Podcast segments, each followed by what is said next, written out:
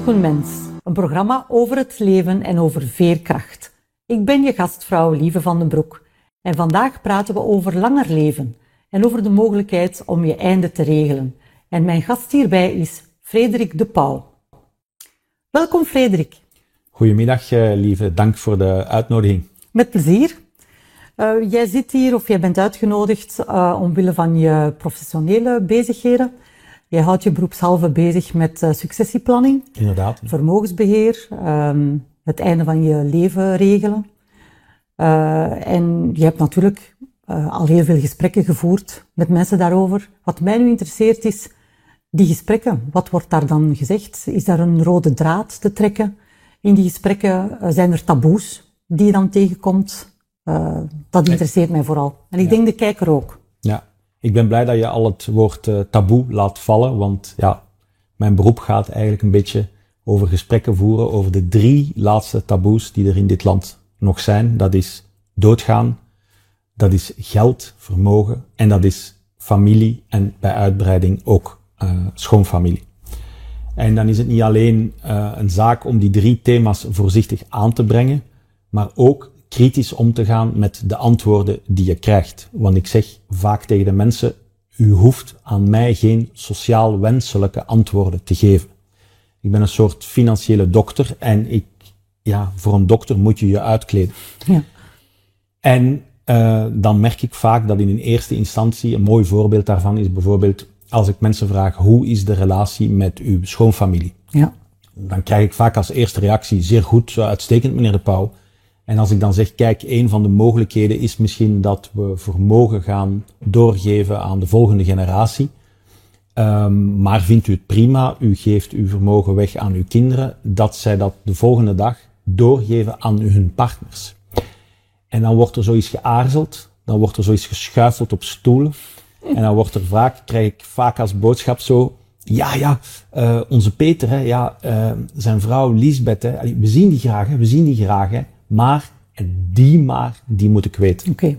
En dat is niet altijd uh, even evident om die, die maar, of al die wensen en, en bekommernissen, of ook angsten, om die te horen te krijgen in een gesprek. Om die naar boven te krijgen. Om die ja. naar boven te krijgen, omdat mensen bang zijn om over die drie taboes, over doodgaan, over hoe ik heb geld en over de relatie met mijn familie, uh, de dynamische relatie met mijn familie, hoe ga ik hoe ga, ik dat, hoe ga ik dat vertellen aan iemand die er eigenlijk als een buitenstaander aan...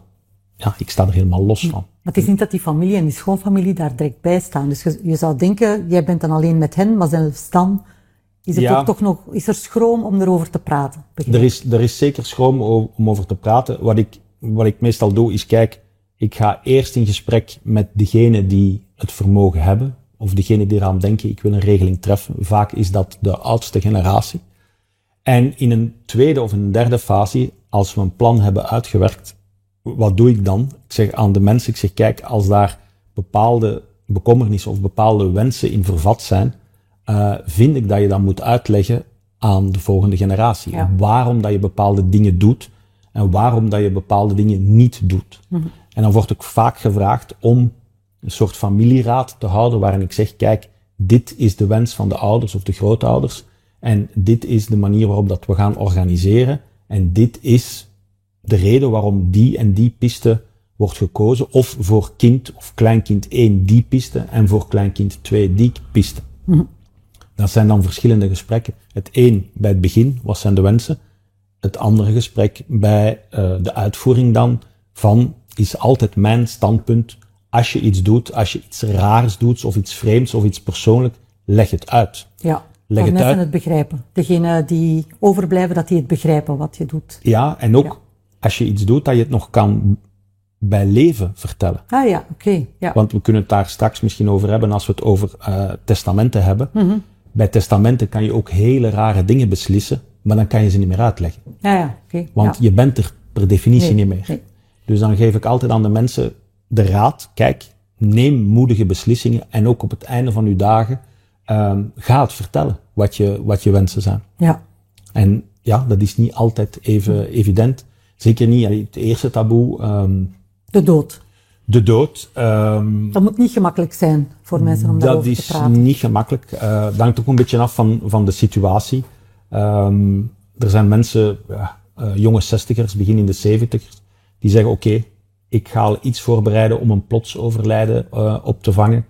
Je hebt mensen die mij benaderen en die zeggen, kijk, ik heb hoogbejaarde ouders die daar zelf niet voor openstaan. Kan jij hen als een soort van overtuigingscomité, kan jij even langsgaan? Ja. En, want ik vermoed dat ze wel bepaalde uh, wensen hebben. Uh, er zijn ook mensen die er helemaal niks mee te maken hebben, die dat willen maken, te maken hebben. En ja, die hoor ik dan vaak natuurlijk niet. Mm -hmm. um, en er zijn ook jammer genoeg mensen die dat proces van, ja, hoe ga ik dat regelen, altijd maar uitstellen tot op een bepaald moment dat ze jammer genoeg slecht medisch nieuws krijgen en, en, en dan plots als een kip zonder kop van alles proberen te regelen of van allerlei vragen hebben, bekommernissen. En dan is het niet altijd, ik ga niet zeggen altijd te laat, maar dat zijn geen leuke momenten om zo'n gesprekken te hebben. Ja. Nee, je zit dan al met het emotionele aspect van ja. het is slecht nieuws, ik ga er niet meer zijn. En dan moet je het allemaal nog beginnen regelen ook. Ja. Financieel, ja. Vaak dat zijn is twee dat, zware dobbers ineens. Ja, vaak is dat een beetje een rare bekommernis. Ik krijg te horen, ik heb nog maar zo kort te leven. Ik wil die tijd uh, doorbrengen met mijn familie, met mijn geliefden, mm. met de mensen die ik graag zie. En ik wil nu in die korte tijd die mij nog rest, wil ik mij niet bezighouden met paparassen. Wat logisch is, hè? wat te wat, begrijpen is, ja. Wat zeer logisch ja. is. Maar anderzijds voel je dan ook van, oeh, ik heb niks geregeld en misschien had ik wel beter iets geregeld of kan ik nog wel iets regelen? Ja. En zeker zo'n in extremis gevallen zijn niet altijd aangename gesprekken. Hm. Maar daar heb ik één leidraad. Wees eerlijk, uh, wees rechtuit. Oké, okay, daar komen vaak tranen bij. Dat is altijd niet gemakkelijk. Maar vaak is er toch nog wel een, een manier om, om oplossingen uh, te bedenken. Hm. En ik merk wel dat er een, een, een mentaliteitswijziging is, dat meer en meer mensen beginnen te beseffen van, ja, om het met de boutade te zeggen, mijn laatste pyjama heeft geen zakken. um, ja. Om niet al het geld mee te nemen. Om in, niet al het geld mee te in nemen. In het graf. Um, ja. Ik ben ook al een paar keer uh, bij begrafenissen geweest en het is mij nog nooit overkomen dat na de begrafenis dat er nog een paar gemeentearbeiders nog een kruiwagen met munten op het graf Daar gooien. Daar komen storten. Daar komen nee, storten. Nee. Dus uh, dat gebeurt niet. Dat gebeurt niet. Dat gebeurt niet. En meer en meer mensen beseffen dat dat ja. niet gebeurt. En ik merk dat er toch wel uh, ja, een mentaliteitswijziging is en dat er mensen zeggen van oké, okay, ik ga regelen wie wat krijgt en wie wat betaalt. Dus het omgaan met de dood is veranderd de laatste 10, 15 jaar? Ja, en ik denk, daar zullen we misschien straks nog even op terugkomen. Een van die elementen die daar zeker in speelt, is dat het de klassieke uh, gezinsvormen ook ja. zeldzamer worden. Vroeger was het heel eenvoudig. Uh, je bleef bij je eerste partner en er waren alleen maar gemeenschappelijke kinderen. Um, die werkelijkheid is nu sociologisch helemaal anders. Mm -hmm. um, ik zeg het uh, vaak met een boutade, onze wetgeving, zowel qua erven als qua huwelijk, uh, dateert voor een groot stuk nog van Napoleon. Ja. En ten 1830, die periode. Ja, 1800 code ja. civiel, 1804. 1804 ja. Er is wel wat gewijzigd, uh, recent, een paar jaar geleden. Maar toch, bijvoorbeeld bloedband blijft nog altijd een van de belangrijkste kenmerken in ons erfrecht. En ja, wat zie je? Ten tijde van Napoleon, toen hadden ouders vele kinderen. Mm. En nu hebben kinderen vele ouders. In alle mogelijke ja. combinaties, plus ouders, uh, nieuw samengestelde gezinnen. En die worden ook langzaamaan ouder. En die stellen zich ook de vraag, wat als mij hier iets overkomt? Mm. Uh, wie krijgt wat en wie betaalt wat. Dus de sociologische evolutie dwingt mensen ja. om er toch mee bezig te zijn. Ja, ja. ja. en dat is één, één evolutie. En de tweede, die daar ook een beetje een rol in speelt, denk ik, is we worden altijd maar ouder. Uh, waarop, dat, uh, waarop dat je ziet dat oh, zeker hoogbejaarde mensen, dat die beseffen, ja, maar, of dat de kinderen van die hoogbejaarde mensen zeggen, van ja, maar wacht eens even, als jullie er niet meer zijn, wij hebben dit vermogen eigenlijk niet meer nodig. Want wij zijn zelf al eind in de 50. Mm -hmm. Zouden we het niet doorgeven rechtstreeks aan de kleinkinderen? Ja. En daar is heel veel mogelijk. Maar dan komt er ook weer al de angst, ja, die zijn, die zijn nog jong, gaan die dat geld verspillen, gaan die dat geld niet verspillen? Dus over de dood, door een paar sociologische uh, veranderingen in onze maatschappij, wordt er wel openlijker over gepraat. Ja. Dus uh, dat taboe is een beetje aan het weg hebben. Oké. Ik denk misschien, maar ik ben natuurlijk geen expert, uh, wat daar misschien ook uh, meespeelt, is de ontkerkelijking. Dat de loskoppeling, ja? ja, ik denk het wel. Dat de dood eerder wordt gezien als een, hoe zal ik het zeggen, een neutraal biologisch gegeven. En de, de, de religieuze uh, connotatie, desnoods het hiernamaals, dat is, dat is helemaal weg. Alhoewel, als ik dan zie mensen die overlijden, het, de, de, de ritueel zelf over het begraven van mensen, daar heeft natuurlijk de kerk wel een lange tijd de rol gespeeld van mensen te verenigen. Je kan dat natuurlijk ook doen in een crematorium, uh, waar je niet-kerkelijke dienst ook kan hebben, dus het gemeenschapsgebeuren. Uh, dat is natuurlijk ook wel verminderd. Hè? En ik heb de indruk dat daardoor toch veel minder gemakkelijk met de dood wordt omgegaan. Dat het misschien vroeger gemakkelijker was. Ja, dat is dan. Ja, het, uh, gemakkelijker omgegaan qua emotionele aanvaarding, denk ik dat um, uh, religie zeker hielp om het aanvaarden van ik, heb, ik ga er binnenkort niet meer zijn. Mm -hmm. Zeker als je op jonge leeftijd slecht nieuws krijgt. Ja. Dat is nu natuurlijk weg. Ja. Dan heb je die, die fase, dan heb je eerder die opstandigheid of het niet aanvaarden. Mm. Uh, maar in het algemeen zie ik toch dat er een, een, een zeer, een meer open geest is naar, oké, okay, er komt een moment dat ik er niet meer ben. En, en, en wat dan? Mm -hmm. Wat dan met mijn materiële dingen? Wat ja. dan met nog emotionele mm. wensen? En is er een angst bij mensen die dan zeggen, ik ga het dan toch regelen, waarom ze het uiteindelijk niet regelen? Uh, ja, er, zijn, um, er is een, een verarmingsangst. Ja, uh, ja dat is ook is, een mooie verarmingsangst. Is, ja, er is ja. een enorme uh, verarmingsangst. En um, ja, vaak als ik dan met mensen samen zit, ja, en dan meestal zijn het nog wel gezonde mensen, ja, dan zeg ik, sterfte tafels en statistiek liegt niet. En als ik dan aan mensen zeg, kijk, u heeft statistisch gezien nog die levensverwachting. Ja. U heeft mij gezegd, dit is uw vermogen. Mm -hmm. En u heeft mij ook een beetje verteld, dit is uw levensstijl. En uh, vergis je niet, lieve, uh, Vlaanderen leeft bescheiden. Is dat zo? Ja, Vlaanderen leeft bescheiden. Wat, wat bedoel je daar juist mee? Dat de uitspattingen, dat, dat het uitgesteld leven, dat dat er weinig, in de praktijk weinig van komt. Dus zeggen van ik ga eens uh, zwaar uh, alles Laat, uitgeven na mijn pensioen, dat is niet zo. Later die wereldreis, nee, die komt nee. er niet. Nee. Later dat buitenverblijf, dat komt er vaak niet. Of Och. later met de kleinkinderen veel reizen of luxueuzer leven. Nee, je Ja. levensstijl zit een beetje vast. Ja. Ehm, dus als ik dan die drie dingen samenleg Mhm. en ik zeg aan de mensen, kijk, met uw huidige levensverwachting, uw huidige leeftijd, uw huidige levensstijl, zelfs als u die een beetje opkrikt, Mhm. en de meeste mensen gaan die ietsje opkrikken, maar gaan niet exorbitant, exuberant beginnen leven. Dat is althans mijn Ja. ervaring. Ja. En als ik dan zeg met uw vermogen, met uw leeftijd en met uw levensstijl, u krijgt uw geld nooit op. Je zegt dat ook zo. Ik zeg dat ook zo. Ja? Dat is Ja? wat. Oké. Mevrouw, meneer, ik heb goed nieuws voor u. Allee, ik denk dat dat dan goed nieuws is. U krijgt uw geld nooit op. Ja. Ja. Ik denk dat dat goed nieuws ja, is. dat is goed. Dat lijkt mij ook goed nieuws, ja. Maar ik zit dan in mijn, in mijn financiële berekening en dan vaak denken de mensen, die vinden dat slecht nieuws. Want die Oh, leiden daaruit af, ah, maar u denkt dat ik bi- binnenkort doodga. Ach. Nee, nee, helemaal niet. U, u hoeft zich financieel geen zorgen te maken.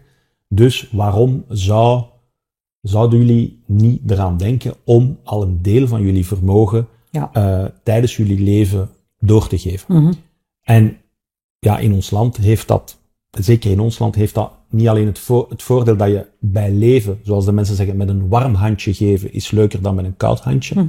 Maar bij ons in de, Een warm handje als je nog leeft. als je nog leeft, inderdaad. Maar een tweede element, wat bijvoorbeeld veel minder speelt in andere landen, is dat bij ons eh, de belasting op vermogen doorgeven bij overlijden, eh, met een koud handje dus, die belasting is veel hoger, maar echt veel hoger dan de belasting die je betaalt als je vermogen doorgeeft bij leven. Oké. In Ja. andere landen is dat gelijk getrokken, bijvoorbeeld in Portugal is dat gelijk. Ja. ja. In België ook, u weet, we zijn een uitgestrekt land, dus we hebben die belastingen ook nog eens verdeeld in een Waalse, een Brusselse en een Vlaamse variant. Maar in de drie gewesten is erfbelasting, successierechten, die zijn veel hoger dan schenkbelasting. En dat is in België een bijkomende reden om er toch eens aan te denken, ga ik niet tijdig doorgeven. Mm. Het uh, pure fiscale. Ik merk wel, je mag het niet beperken tot het fiscale van wie betaalt wat. Want vaak komen mensen bij mij en die zeggen, ik wil nul betalen. Ja. Ik zeg, dat is allemaal mogelijk, nul betalen.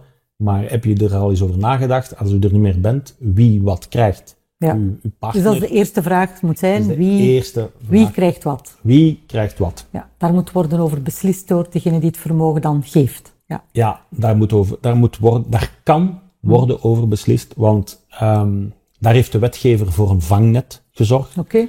in, uh, op twee niveaus. Um, als je er uh, niet meer bent, dan um, ja, gaat er eerst beslist worden, kijk, ben je gehuwd? Wie krijgt wat tussen de partners? En nadien gaat er, als je niks hebt geregeld, gaat er bepaald worden door de wet wie erft wat, wie krijgt wat. Ja. De twee dingen kan je wel sturen.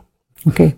Ja, Want je kan in je huwelijkscontract, kan je wel sturen, ook in je, met een testament, kan je ook wel uh, sturen wie wat krijgt. ja. Het uh, financiële taboe. hè. Het financiële taboe. Mensen moeten zich uh, uitkleden. Bij Ja. de financiële dokters moeten eigenlijk letterlijk laten zien wat heb ik allemaal, anders kan je voor hen niks doen, begrijp ik. Nee, ik, Of iets doen, maar dan is het een theoretisch advies dat Ja. dan soms verkeerd uitdraait als ze niet open kaart spelen. Uiteraard. Ja. eh, dan zijn er mensen die, ja, ze moeten mij zeggen wat, wat ze hebben. eh, en niet alleen hun vermogen, maar ook, ehm, ook hun inkomen. Mhm. Dat speelt ook een rol. Ja. Ehm, in België zijn bijvoorbeeld een koppel met eh, gepensioneerde ambtenaren, allee, met een mooi ambtenarenpensioen, hoe gek het ook is, die verrijken zich nog elke maand. Die kunnen nog sparen. Oké. Dus die, die, die worden elke maand nog rijker, wat raar is. Maar die, dat, dat, dat gebeurt wel. En dan moet je zeggen, kijk, wat is jouw, jouw financiële planning? Aan wat ga je nog geld uh, uitgeven? Ze moeten um, aan mij zeggen, kijk, dit, um, dit heb ik. En dan ook, ja, wat, wat ga, hoe ziet mijn uitgave of mijn verwacht uitgavenpatroon eruit? En daar een van de grote onzekerheden is, welke medische kosten Ga, daar zijn de mensen enorm bang voor. Medische kosten. Onvoorziene medische kosten. Ja. En dan het horrorscenario, een koppel dat alle twee naar een woonzorgcentrum moet. Dat is, het, het Dat is de grootste angst. dat is de grootste angst, medisch, maar ook financieel, want dat kost fortuin. Ja, dat kost fortuinen, maar ik probeer dat dan altijd een beetje financieel uh, te kaderen. Ten eerste, er is altijd, of toch voor een groot deel, een tussenkomst uh, van de mutualiteit en of van een privéverzekering. Ten tweede hebben die mensen ook vaak een pensioen en al dan niet nog huurinkomsten. En ten derde, en dat is een hele koude berekening, maar die klopt wel financieel, als ik zeg, ja, als u alle twee naar een rusthuis moet, uw woning waar u nu in woont, die kan u best verhuren. Dat geeft inkomen. Of die kan u verkopen en u kan dat geld gewoon spenderen. Ja. U kan dat gewoon uitgeven. Daar denken ze dan niet aan? Nee, daar denken ze niet aan. Of is dat misschien een, uh, het gras van voor hun voeten, van onder hun voeten wegmaaien, dat ze geen argument meer hebben Nee, dat is om omdat... naar dat een woonzorgcentrum te gaan dan? Ja, ik denk... Want ik, ik, denk, ik denk eerder, feit dat, dat kan verkeerd zijn, hè, maar dat het voor mensen lastig is om uit hun huis weg te gaan naar een, een woonzorgcentrum, omdat dat de laatste halte is. Ja, En dat, dat, dat ze dan zeggen, ja, financieel gaat dat niet, ik blijf liever zitten waar ik zit. Uh, en ik kan me dat wel voorstellen. Dat je daarom veel liever blijft zitten in, in het huis waar je gewoond hebt, uh, om niet die laatste stap te moeten zetten. Ja, dat, is, dat, speelt, dat speelt zeker mee. Maar allee, mijn ervaring is ook uh, het pure financiële. Wij zijn niet zo hoog financieel geschoold. En Nee. Het, nee. En het, het concept van, um, ja, maar wacht eens even, ik heb dan wel inkomen als ik daar niet meer, als ik daar niet meer woon, heb ik inkomen. Ja. Of gewoon zeggen, kijk, ik verkoop mijn huis. Dit is mijn levensverwachting. Als ik dat allemaal opdoe, Mm -hmm. uh, en ik zorg, ik probeer het ultieme te bereiken, Ja. namelijk de laatste zucht is ook de laatste euro, dan heb ik plotseling zoveel duizenden euro's, zeker met de vastgoedboom van Ja. de laatste jaren, uh, de gezinswoning wordt verkocht. Dat geld laat, maakt het wel mogelijk om maanden, jaren zeer royaal te leven. Oké, dan is het op, maar dan heb je ook niks tekort. Nee, het wordt ook niet meegestort in uw graf. Nee. Het geld niet. Ja. Dus die verarmingsangst, Die Ja, is er. dat is wel een belangrijke. Maar als je dat dan countert, ik zie dat dan, dat is dan een koude cijferberekening. Maar ik zeg dat ook, het is puur financieel. Mhm. Daarmee wil ik niet zeggen dat naar een woonzorgcentrum, dat dat een van de leukste verhuizingen Ja, zijn die er dat dat zijn. emotioneel niks zou doen. Ja, Maar ja. u hoeft zich, eh, u hoeft niet bang te zijn voor de financiële gevolgen. Ja. En de, de, de vraag die ik dan vaak krijg, ja maar nee, we moeten, moeten een enorme reserve gebruiken, eh, be- bewaren, want meneer De Pauw, je weet nooit wat er gebeurt. Welke zeg, rampen hangen boven Ja. ons hoofd? Hè? Dan heb je het ook over de rampen. De rampen, welke, wel, je weet nooit wat er gebeurt. En dan zeg ik, nee, oké, noem eens wat. En dan volgt er vaak een stilte.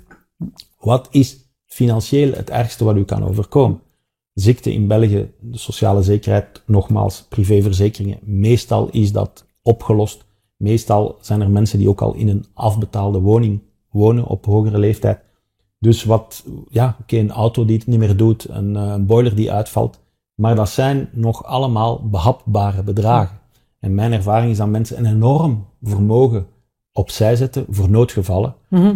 Dat Die zich niet voordoen. die zich niet voordoen of, Of die, echt die, daar niet over nadenken. Ja. En die puur emotioneel zeggen, goh, ik moet, ik moet minstens 250.000 euro op mijn spaarboekje hebben, want anders voel ik mij niet, Ja. voel ik mij niet gemakkelijk. Ja. En dan is het mijn taak om te, om te zeggen, kijk, financieel heeft u die 250.000 helemaal niet nodig als buffer. Hm. Maar als u dat emotioneel belangrijk vindt om daar bij wijze van spreken te kunnen naar kijken, Ja, dan, ja, hey, fijn, dan ja. mag. Het is- ja. Maar weet wel, wat je dan niet mag doen, is van kijk, eh, dan ga je waarschijnlijk als je niets regelt, gaan je erfgenamen A, veel Mm. belastingen betalen.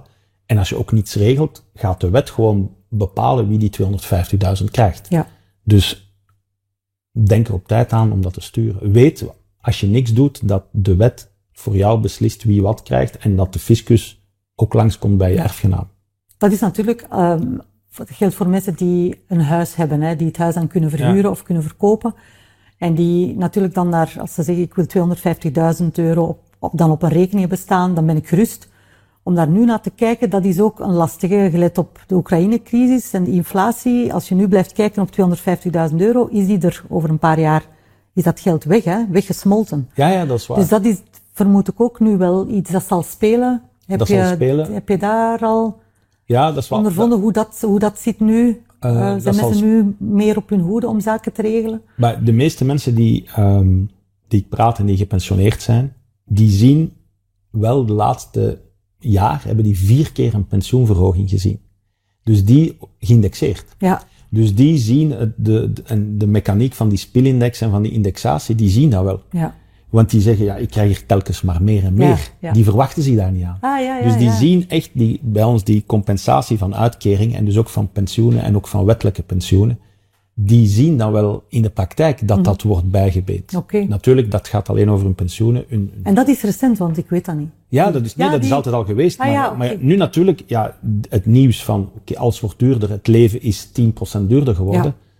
Ja. Er zit een beetje een vertragingseffect op, Ja. maar die pensioenen zijn ook met 10% verhoogd. Dus daarmee kan je wel je, je, je koopkracht behouden. Natuurlijk, spaargeld is een ander verhaal. Ja, Daarin gaat, het natuurlijk, ja, gaat je koopkracht eh, ja. dalen. Maar eh, nogmaals, de, me allee, de meeste mensen die ik praat, die hebben toch een voldoende buffer. En oké, die, die voel, dat merk je ook niet. Dat is het gekke aan inflatie. Dat is een beetje de gangrene van de economie. Maar je krijgt op je bankuitreksels staat nog steeds het nominale bedrag. Ja. Dus het, het, de confrontatie zie je niet. Zolang dat je dat geld niet gebruikt, gebruikt om iets te kopen en dan te merken, ah, ik dacht dat ik dat kon kopen en dat kan niet meer. Ja, merk je dat eigenlijk niet. ja, ja, ja, zo. Een, ja, een hele rare dynamiek eigenlijk. Ja, dat zal wel, ja. Dus en zijn er bij het eh, financiële dan, ik ben hier even aan het kijken, ehm, dus interen op kapitaal. Heb je Dat, is, gezegd, dat, hè? gebeurt, dat gebeurt heel weinig. Ja, nog Ja, altijd. Nog altijd, ja. De, de, de enige, ehm, de enige piste die ik, daar, die ik daar een beetje zie, is eh, mensen die geen kinderen hebben. En ehm, die zeggen, kijk, we gaan onze woning eh, verkopen op lijfrente. Nou ja, Maar we blijven er wel in wonen en de koper betaalt ons elke maand een som en daarvan leven we. Leven we nog een maand, fair enough. Leven we nog tot Jean Calment onder 22, dan komen wij niet meer bij van het lachen. ja. Die, Ja. Die benadering, maar dat is, dat is een zeer beperkte nichemarkt. Ehm, vooral omdat er toch nog altijd een beetje de sfeer leeft van financieel, ik moet iets nalaten. ja, Alles opdoen is Mhm. not done in Vlaanderen. maar als degene, ik heb ook geen kinderen. Als na mij, ik ben dood, alles is op. Ja. Ik heb daar toch geen last meer van. Hè? Nee, nee, nee. Dus nee, dat is in die zin een beetje gek. Maar voor, bij mensen, bij kinderen, gaan, van eh, zeggen, sorry beste kinderen, maar pa en ma gaan eh, zeer royaal leven en eh, we gaan niets overhouden. Wij zijn te nuchter, denk ik, als volk om dat, Dat te ik doen. vind het altijd een beetje vreemd. Dat ik denk, je kunt ook je geld, zelfs als je geen kinderen hebt zoals ik, je geld uitgeven aan u, degene die u dierbaar zijn en daar dan dingen samen mee doen die Ja. geld kosten. En dat je zegt, op die manier zal ik er wel voor zorgen dat het dan op is. Ja. Als ik dood ben. Dat is inderdaad. Dan hebben ze er plezier van, terwijl je nog leeft. En ik heb er dan ook plezier van. ja. Zou ik dan denken. Maar dat is niet... Eh, Want er zijn wel redelijk wat alleenstaanden. Ik denk ook wel mensen zonder kinderen, dat, dat die toch ook ja, ja. wel dik gezaaid zijn. Ja, en ik denk dat dan, dan de manier waarop die, ofwel doen die helemaal niks, en de manier waarop dat die dan vermogen doorgeven, is dan eerder, ik ga de kleinkinderen een beetje helpen. Mhm. Allee, kleinkinderen hebben dan geen kinderen, maar ik ga neven en nichtjes of mensen Ja. die mij dierbaar zijn, ga ik helpen met geld, maar daar echt leuke dingen mee doen, of, of uitspattingen, eh, Nee, op reis gaan eten, dat zie ik veel minder. Ja. Het is eerder ehm, doorgeven, het uitdelen van, van, Zo. van, van geld. Ja, op die manier. En dan nog, eh, ja, angst dat er wordt verspild. Dus het is, het is een hele rare dynamiek. Want je hebt eh Vlamingen als cliënteel, maar je hebt ook eh Franstalig. Is Ja. daar een, en Nederlanders misschien ook? Ja, Nederlanders kijken daar een beetje... Ja. Bij, bij, bij Nederlanders zit, is het minder de... De nuchtere kijk Ja, van is de, eh, is de nuchtere kijk. eh, die Nederlanders wel hebben. ja, die Nederlanders wel hebben. En die, ja, een beetje ook de, de protestantse zuinigheid. Ja. Wat er bij Nederlanders wel eh, speelt, die zijn toch relatief open over geld. Eh, die zijn ook vaak, eh, die vinden het normaal van een adviseur daarbij te betrekken. in, in België is dat nog altijd raar. Iemand betalen voor advies over, over, over doorgeven, over geld, over doodgaan. Ehm, bij Nederlanders is natuurlijk de, ehm, is het verschil tussen erf, erfbelasting en schenkbelasting veel kleiner. Dus de Ah, ja. nood om door te te, doen, geven ja. is veel kleiner. En dan in België, ja, eh, in Vlaanderen is de belasting, de erfbelasting zeer hoog. En in Wallonië is ze zo mogelijk nog hoger. Daar zitten we aan tarieven van 80%. Wauw. Ja, ja, ja. Dus dat Wauw. is, Daar dus is een put te delven natuurlijk. daar is een put te delven, ja. ja. Pas op, eh, Vlaanderen, eh, om een idee te geven, broer en zus, 55% Ja, ook. dat is verschrikkelijk, hè, als ik dat... Broer en zus staan Ja. toch ook nog dicht bij elkaar. Ja, Ehm, ja. Dus ja, we doen het iets beter, maar eh, ja. Ja. Dus eh, ja, inderdaad, mensen over, over heel België. En de manier waarop dat die maar naar, naar relaties, naar familie, naar vermogen kijken, is eigenlijk gelijklopend. Ik zie geen groot verschil tussen Zuid en Noord. Nee? Nee. Nee. nee. Een beetje misschien in, in, in openheid, maar ik zie daar... ik zie Openheid naar financiën heb ik Ja. Nederlanders ook wel de ervaring. Ja. Over hun loon praten die gewoon. Hè. Ja, Terwijl bij ons er enorm veel terughoudendheid is. eh. Kijk Ja. mensen rond van. ja. Ze hebben mij iets gevraagd, hoort iemand het als ik het zeg? Ik ken En ja, weinig, ja. weinig, eh, weinig mensen in, in, in België die weten hoe, hoe rijk hun ouders zijn. Daar Ja? wordt niet over gepraat. Nee, er wordt niet, niet. gewoon over. Nee. Ik heb zoveel spaargeld. Ja, ze weten wel welk vastgoed, meestal. Maar qua roerend vermogen, beleggingen, aandelen, spaarboekjes. Wordt Dus dus, mensen denken ook vaak dat ze dan armer zijn dan, of Ja. zijn rijker dan dat ze denken dan, ja, begrijp ja, ik. Ja, ja, ja. Ah, Ah, ja? ja, Als je kijkt hoeveel, hoeveel Vlaanderen, eh, Vlaanderen leeft van Mhm. de mensen die doodgaan. Wat bedoel ik daarmee? Als je kijkt... Dat is een, eh, dat is een mooi... Ja, ja, dat is een mooie. Maar Ja. als je kijkt hoe eh, het aandeel op de Vlaamse begroting, Ja, dat wordt gevuld door erfbelasting, dat is gigantisch. En dat is bij wijze van spreken de belasting van alle mensen die te rijk of te vroeg zijn overleden. Dat zijn alle mensen die niets hebben geregeld en Ja. daar betalen de erfgenamen belastingen op. En dat loopt in de miljarden euro. dus de Vlaamse overheid heeft daar belang bij dat niemand het eigenlijk regelt. De Vlaamse overheid heeft daar eh, belang bij, maar daar speelt ook een hele duivelse dynamiek. Ehm, de Vlaamse overheid vangt, elke overheid, Brussel, Wallonië, Vlaanderen, vangt veel meer belastingen bij overlijden, maar moet wachten tot als je overlijdt. Ja, Terwijl als je, door, als je bij leven eh, doorgeeft, betaal je nu. Dus dan heeft de overheid um, het geld veel eerder. Ja. En mijn verwachting is dat sinds 15 jaar hebben alle gewesten gezegd, we gaan die schenkbelasting, die gaan we verlagen. Waardoor dat er eigenlijk op korte termijn dubbele inkomsten zijn. Dus heel veel geld komt binnen. Ja. De mensen die doodgaan en niks geregeld hebben. Ja. En de mensen die aan het regelen zijn en betalen. Dus Mhm. op korte termijn heb je dubbel of heb je meer. Maar binnen een paar jaar gaat de eerste generatie overlijden die bij overlijden nul heeft. En dan heb je nul inkomsten. Och. Dus ik hou me daar wel wat vast.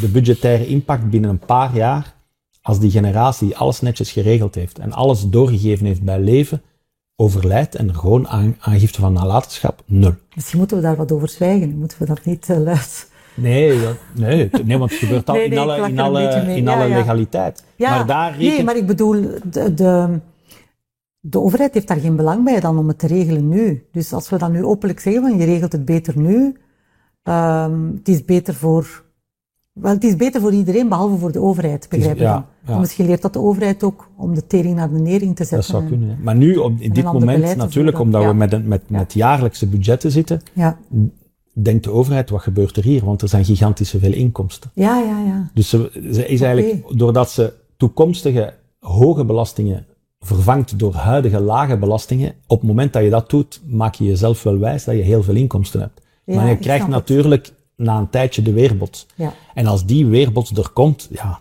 wat gaan we dan doen? Gaan, dan gaan we misschien de belastingen opnieuw verhogen. Ik weet Die het zijn niet. al zo. Ja, Ja, zeker qua erfbelasting nu. Bij schenkbelasting vallen die belastingen eerlijk gezegd wel mee. Ja. In Vlaanderen betalen tussen ouders en kinderen een vlaktax Mhm. van 3%. ja. Op zich valt dat mee. Mhm. Ja Voor, voor, Ja, voor geld. absoluut. Voor vastgoed is het een beetje anders, maar dat valt eigenlijk wel mee. En dan het eh, laatste taboe, dat Van- is het emotionele, als we het met familie, schoonfamilie, Ja, kleinkinderen, de nieuw samengestelde gezinnen vermoed ik ook. ja nieuw samengestelde gezinnen, ehm, kleinkinderen, eh, aan wie, wie krijgt wat. En dan bij nieuw samengestelde gezinnen, ja. Eh, als ik die spiegel voorhoud, plus kinderen krijgen niets. Heel eenvoudig, Ja. geen bloedband, Napoleon.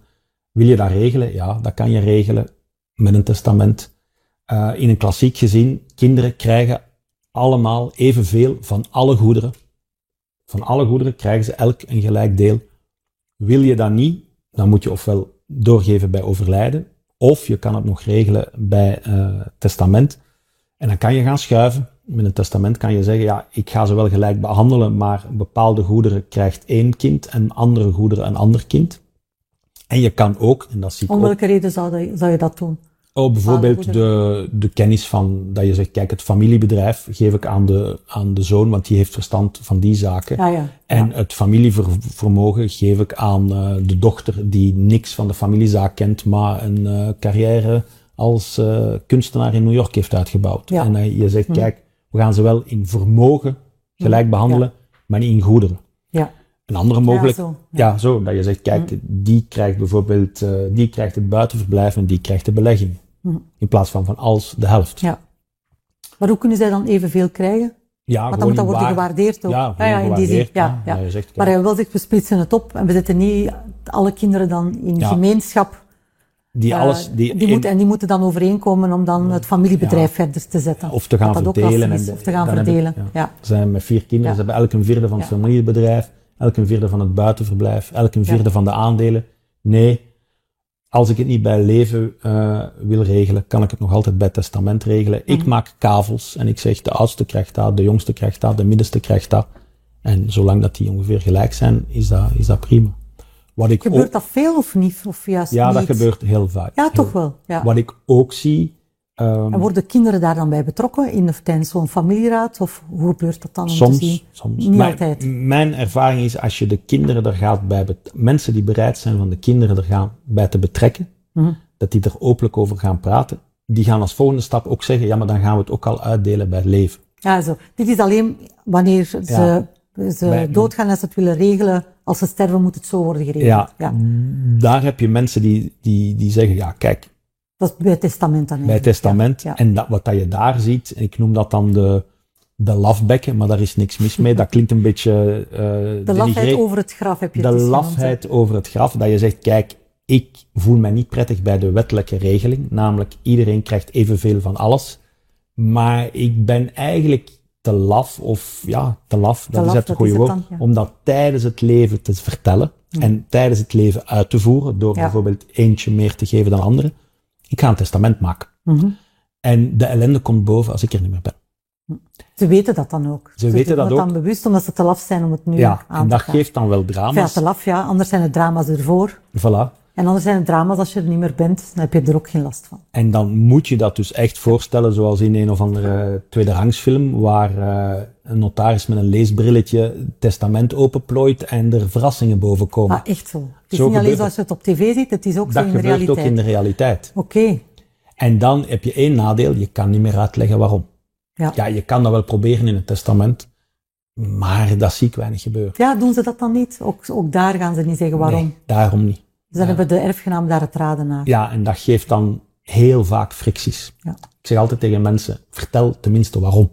Vertel Ja. waarom. Desnoods in een testament, maar schrijf. Ja, schrijf schrijf een motivatie. Ja. Een zin schrijven, wie wat krijgt, dat zijn twee zinnen, dat zijn twee lijntjes. Maar motiveren waarom.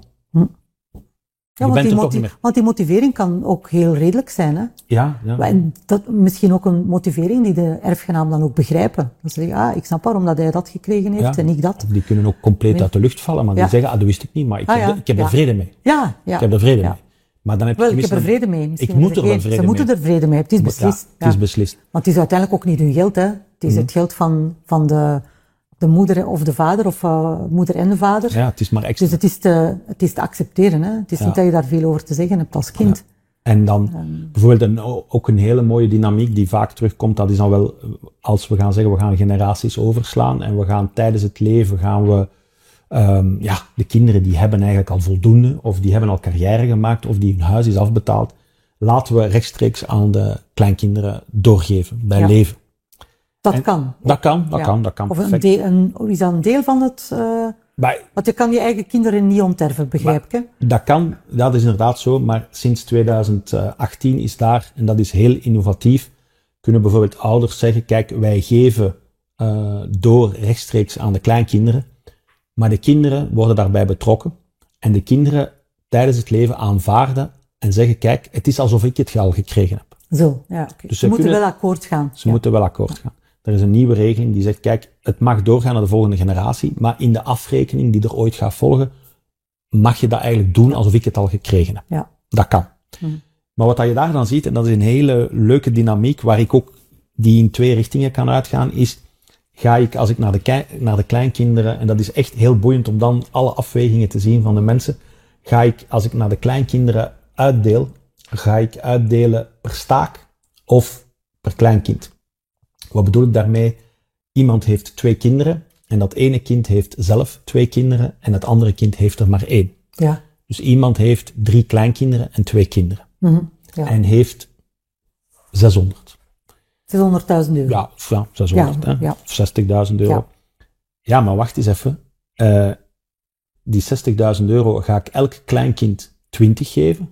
Want ja, ik heb drie kleinkinderen en Mhm. Ik zie ze even graag. Ja. Of ga ik zeggen, nee, nee, nee, nee. Die twee kleinkinderen van het ene kind, die krijgen samen 30. De helft van Mhm. mijn 60. En het andere kind, kleinkind, ook 30. Want ik ga... Per dezelfde- staak Ik ga per staak. Want als ik niks zou gedaan hebben, ging mijn 60 gewoon 30-30. En ooit die 30-30 en die 30 15-15. Ja. Ga ik dat nu al doen?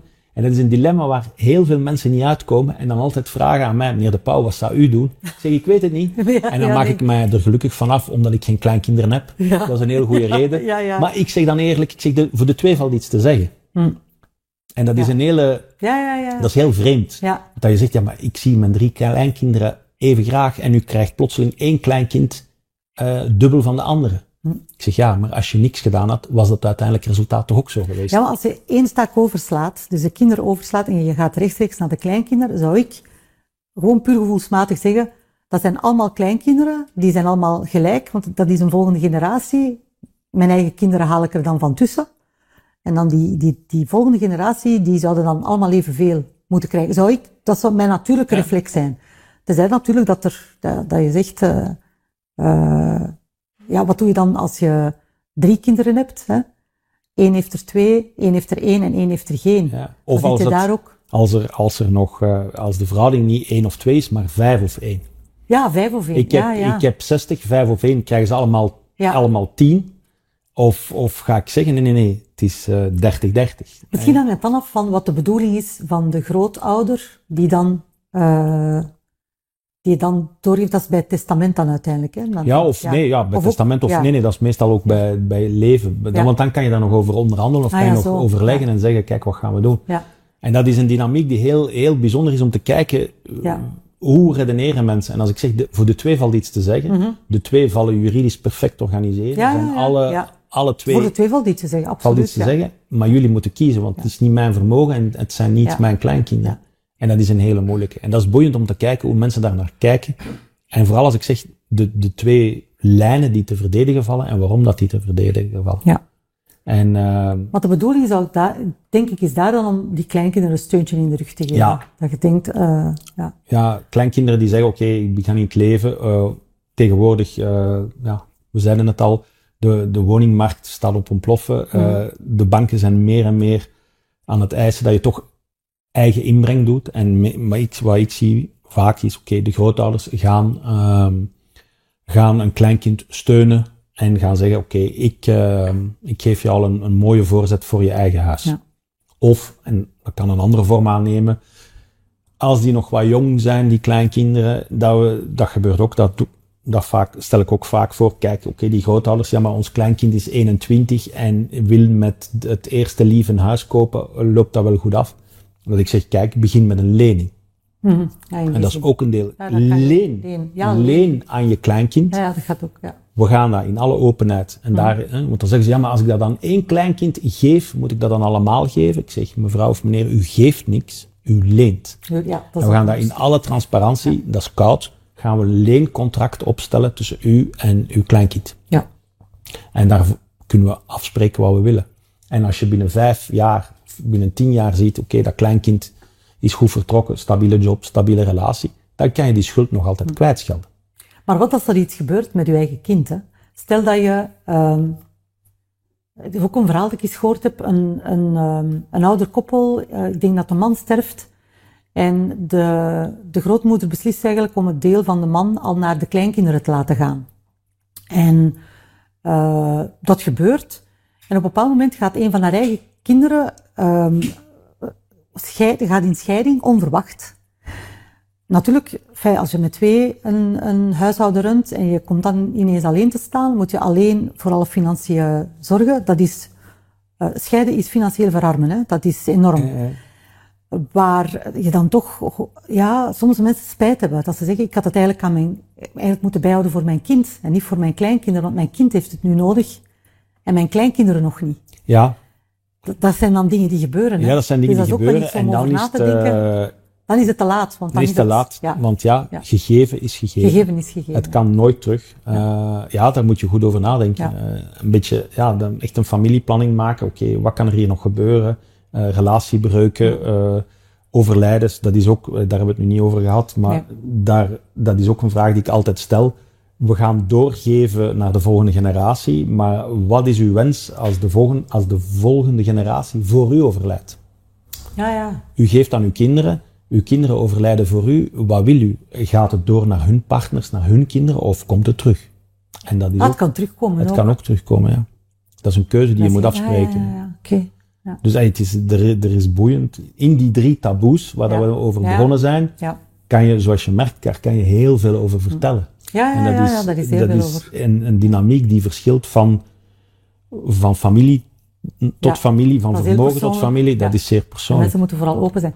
Eh, het laatste stukje daarover nog, eh, ehm, wat met uh, um, nieuw samengestelde gezinnen. Ja, nieuw, Wat zijn de meeste vragen die daar... nieuw samengestelde gezinnen. Um, wat is daar een beetje de valkuil? Is dat, we hebben het in het begin van het gesprek gehad over, we gaan twee spiegels uh, bekijken. Wie krijgt wat en wie betaalt wat. Ja, Nu, wat is er recentelijk ge eh, recent gebeurd? In de drie gewesten, wie betaalt wat, zijn stiefkinderen en stiefouders, dus nie- nieuw samengestelde Ja. gezinnen, die hebben hetzelfde belastingstarief als biologische ouders en biologische kinderen. Dus die zijn, qua fiscaliteit, zijn die gelijk getrokken. Alleen de eerste vraag, wie krijgt wat, die, ze krijgen gewoon niks. Ze betalen evenveel, ja, als je niks doet, krijgen ze niks. Dus Ja. als jij een nieuw samengesteld gezin, eh, je overlijdt, alleen je biologische kinderen gaan erven. Jouw pluskinderen, de kinderen van, van je partner, die erven niks. Als ze zouden erven, moeten ze wel evenveel maar belastingen betalen. Maar ze krijgen niks. En vandaar in de pers ook, als er dan staat, ah, stiefkinderen gelijk behandeld. Ja, fiscaal. Maar niet wie krijgt wat. En als ik dat aan de mensen zeg, ik zeg, ja, kunnen we dat regelen? Ja, u kan dat regelen. Het enige wat dat je daar Maar kan moet doen... dat effectief wel regelen, want dat staat niet in de wet. Nee, maar ja, biologische Ja, band. bio- ja biologische band, dat blijft toch nog altijd Napoleon, het ja. sterkste en dat is ook nog niet veranderd wettelijk. Nee. wil zeggen dat de meerderheid die dat over zo'n wet moet, of wetswijziging moet beslissen, dat toch de bloedband nog altijd Ja, ja, de bloedband Eh, blijft. En blijft, dus als je dat wil regelen, blijft. Eh, als je dat wil regelen, dan moet je een testament maken en dan moet je zeggen, kijk, mijn pluskinderen, de kinderen van mijn partner, die krijgen ook een deel. Ja, Eh, en dan kan je zelf be- bijna bepalen hoe, hoe groot het is. En zo zijn er nog een paar eh, misverstanden. Ehm, ik hertrouw en ik overlijd en ik heb niks geregeld. Het vruchtgebruik van alles wat ik heb gaat naar mijn, naar mijn weduwe. Ook al is zij niet de moeder van mijn kinderen. Ook al zijn mijn goederen afkomstig van voor dat huwelijk. Dat is ook nog zo'n misverstand. En mijn kinderen moeten met hun stiefmoeder de rest van hun dagen in, in, in onverdeeldheid zitten. Ja. Daar zijn wel oplossingen voor, maar ja, daar, daar zijn ook nog wel eens misverstanden van die oude wet die niet altijd goed is afgestemd op de nieuwe vormen van samenleven. ja, ja. Eh, Ik begrijp ook dat, het, ehm, dat je bepaalde zaken nog kan veranderen ook. Het is niet omdat je dingen nu regelt, dat dat dan voor de eeuwigheid zo is. nee, dat Dat klopt. kan, het, is niet, het is, kan ook soms een tijdelijke regeling zijn. Je kan, je Ja. kan tijd kopen. Ik had het daar net al van, ja, in plaats van te geven aan de kleinkinderen, misschien Ja. Mm. lenen en later kwijtschelden. Ja, Ehm, ja, doorgeven bij leven, gegeven is gegeven, dan is het te laat. Maar wat ik wel zie, wat ik wel doe, is kijk, oké, ja, maar wacht eens even, ik ben 52, ik ben nog niet van plan om meteen te overlijden. Mhm. En ik zeg, kijk, maak een testament voor als je nu zou overlijden. Stel dat je plotseling overlijdt, Ja. wat wil je? ja, Testament, zolang dat je leeft, kan je dat oneindig aantal keren wijzigen. ja. Dus er is niks definitiefs. Mhm. Dus dat is een beetje een, een vangnet, een noodvangnet voor een plots overlijden op te vangen. ja. Dus dat kan wel. Er, Ja. je- er, is, er is veel te doen, je kan veel regelen, maar ja, we hebben het in het begin over gehad, Ja. taboes. Taboes, je moet het wel hebben over je dood dan. Als je, van het moment dat je het testament schrijft, Ja, dat is, gaat het over je dood, hè. dat is, je- zeer, en eh, dat is, dat is zeer confronterend. Eh, Ja. Kan je gerust vertellen, ik, heb, ik ben 52, ik heb een eigen testament. De dag dat ik dat geschreven heb, dat voelt heel raar. Het is Mhm. Ook al tien jaar geleden, maar het, is, het voelt heel raar. En dat is zeer confronterend. Ja. Ja, je moet echt over nadenken dan ook, hè, van hoe, wat, dat- wat je schrijft. Ehm, dus ja, de, dat waren de drie taboes. Ehm, ik denk dat we de meeste zaken besproken hebben. Ja, ja, ik denk dat we een, een leuke babbel hebben gehad over ehm, ja, langer leven en eh, wat zijn mogelijkheden of met welke taboes hebben we te maken als je, dat, als je je einde, zowel emotioneel naar familie eh, als financieel, als, je dat wil, als je dat wil regelen. En het belangrijkste dat ik onthouden heb, denk ik, is ook als je het regelt, kan je nog kiezen. Dan Ja. kan je kiezen. eh, Als je het regelt- steunen die je wilt steunen. Ja, Ja. Als je het regelt, kan je kiezen. En je kan het zowel regelen bij leven als bij overlijden, met een testament. Als je kiest van ik ga het regelen bij leven, heb je ook nog eens het voordeel dat je kan uitleggen waarom. Ja, dat en, is dat mooi. is, en dat is een hele mooie meerwaarde wat mij betreft. En dat is een mooie afsluiter. Dank u wel, Frederik, voor dit gesprek. Dank u voor de uitkom, Ja, dank u wel. uitnodiging. Ja, dag. Dag.